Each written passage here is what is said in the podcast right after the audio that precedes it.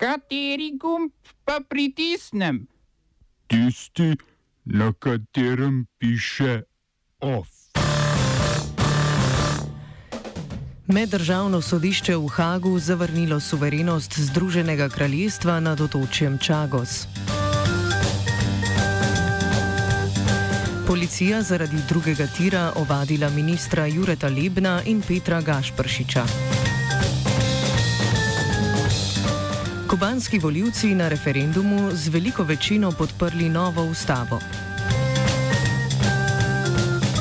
Štirim španskim nogometnim klubom ne bo treba plačati novih davkov. Slovenski temelji na Zagreb Docs.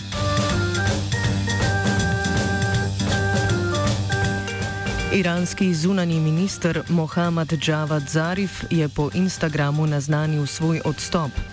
Kot razlog je navedel nevarno preigravanje med političnimi stranmi v Iranu. Odstop Zarifa, ki je bil glavni iranski pogajalec pri sprejemanju jedrskega sporazuma, je s to potezo še dodatno oslabil že tako šibek dogovor, ki je od izstopa ZDA lani izgubljal pomen. Večina iranskih poslancev naj bi Zarifa pozvala naj si premisli. Iz urada predsednika Hasana Ruhanija pa je prišel tvit, da odstop tako ali tako ne bo sprejet.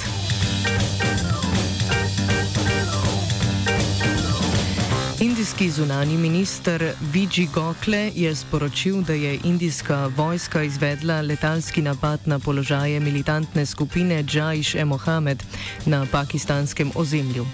Do napada je prišlo teden dni po samomorilskem napadu v pokrajini Kašmir, pri čemer je bilo ubitih več indijskih vojakov. Letalski napad, za katerega pakistanske oblasti trdijo, da so ga uspešno prestregle, tako predstavlja nadaljne stopnevanje napetosti. Skupina Jaish-e Mohammed je bila sicer ustanovljena ravno z namenom, da bi osvobodila indijski del Kašmirja.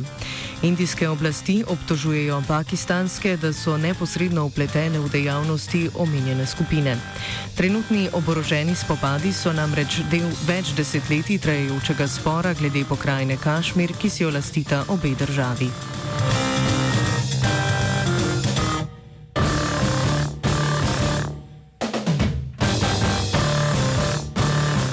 Na Kubi so voljivci na referendumu z veliko večino sprejeli predlog nove ustave. Podprlo jo je namreč 84 odstotkov voljivcev, volilna udeležba pa je bila 86 odstotna.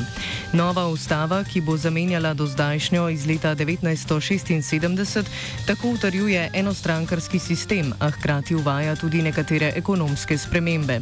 Med drugim uvaja privatno lastnino nepremičnin in delno tržno gospodarstvo na področju sodstva sodstva pa uvaja načelo nedolžnosti, dokler se ne dokaže krivda. Predloge za novo ustavo je vlada pripravljala v sodelovanju z državljani, kubanske oblasti pa so rezultate referenduma razglasile kot dokaz za prihodnost socializma na Kubi. Kuba se tako kot še ena redkih deklarativno-socialističnih držav približuje tržnemu gospodarstvu. Kljub temu pa kritiki nove ustave opozarjajo, da spremembe niso dovolj korenite, saj poleg enopartijskega sistema ohranjajo centralno načrtovanje gospodarstva.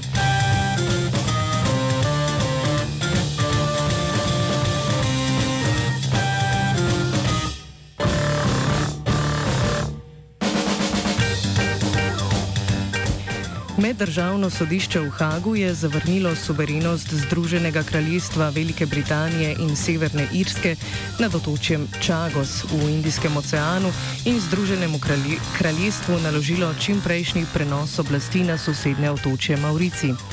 Združeno kraljestvo je otočje pridobilo leta 1965 kot pogoj za priznanje neodvisnosti Mauricija, svoje nekdanje kolonije. Sodišče je utrdilo, da je to pomenilo kršitev resolucije Združenih narodov iz leta 1960, ki je prepovedovala delitev ozemlja v procesu dekolonizacije. Do leta 1973 je britanska administracija izgnala okoli 1500 prebivalcev otočja, da bi omogočila vzpostavitev ameriške vojaške baze na otoku Diego Garcia. Združeno kraljestvo je sicer prenos oblasti nad otočjem dolgo zavračalo s klicevanjem na obrambne interese v Indijskem oceanu. Država, ki je nasledila britanski imperij, sicer še vedno upravlja 14 čezmorskih ozemelj.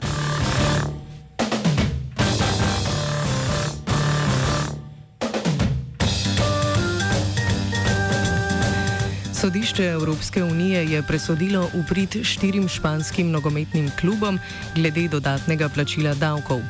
Realu Madrid, Barceloni, Osasuni in Atletik klub Bilbao je Evropska komisija očitala, da so deležni nepravičnih davčnih olajšav kot neprofitna društva.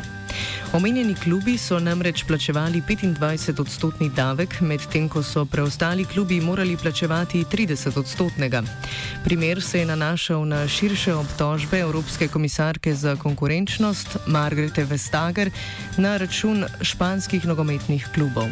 Sodišče je obtožbe na koncu zavrglo, pri čemer je imelo ključno vlogo uspešno dokazovanje Reala Madrid, da so tudi preostali klubi po raznih olajšavah plačevali niže davke.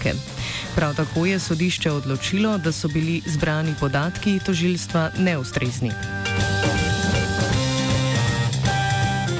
Mestni svet v Pragi je sprejel odločitev, po kateri bo ob dnevih z veliko onesnaženostjo zraka na voljo brezplačen javni prevoz, tako za domačine kot za turiste. Ukrep, ki po predvidevanjih ne bi veljal več kot sedem dni na leto, bo mesto stal približno 200 tisoč evrov letno.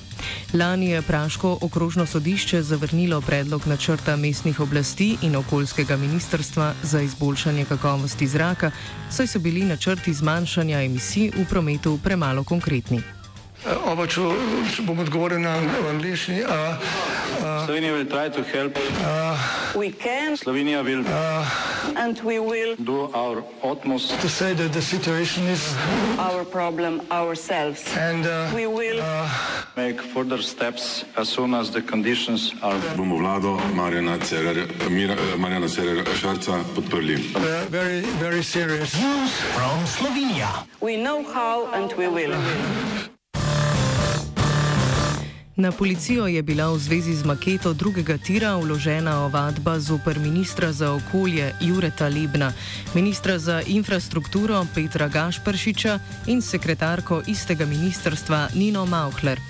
Ovadenim se očitajo kazniva dejanja velike goljufije, lažnega predstavljanja in zavajanja javnosti z velikim oškodovanjem javnih financ. Ovadbo je vložila tako imenovana skupina strokovnjakov, potem ko je glavna akterka razkritih dopisovanj v zvezi z maketo, tiskovna predstavnica Ministrstva za infrastrukturo Nataša Pelko, krivdo prevalila na Lebna, ki je bil vodja projekta. Po začetnih policijskih preiskavah na Direkciji za infrastrukturo je policija tako začela tudi postopke zoper više vladne uslužbence, ki so bili vključeni v projekt. Eden izmed ovaditeljev, Jože Duhovnik iz strokovne skupine Dvotirna proga, projekt 4 km, pravi, da se nepravilnosti in zavajanja nanašajo na celoten projekt drugega tira. Naša ovadba strokovne skupine nima nič skupnega z maketo. Maketa je svoj postopek, ki je dovolj dokumentiran in bodo to drugi raziskovali. Kar se pa tiče naše ovadbe, gre pa za celoten projekt drugega tira ker je z objavo tega investicijskega programa zdaj zbranih dovolj dokumentov, da lahko vidimo, kako je šlo za sistematično zavajanje nekih družb, ki so v ozadju in pa so seveda tudi pri našem ministru Gašpršiču, bivšem, in pa eh, takratnem sekretarju gospodu Lednu povzročile, da so začeli z sistematičnim zavajanjem. Ministrstvo za finance je na tiskovni konferenci predstavilo predlog davčne reforme z namenom razbremenitve dela.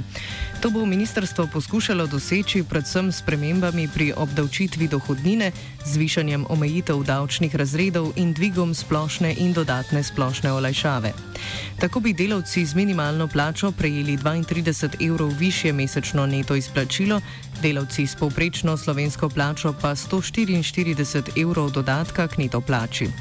Po načrtih bo razbremenjen tudi regres, za katerega delodajalcu ne bo treba plačati socialnih prispevkov, če ne bo višji od bruto povprečne plače, torej 1800 evrov.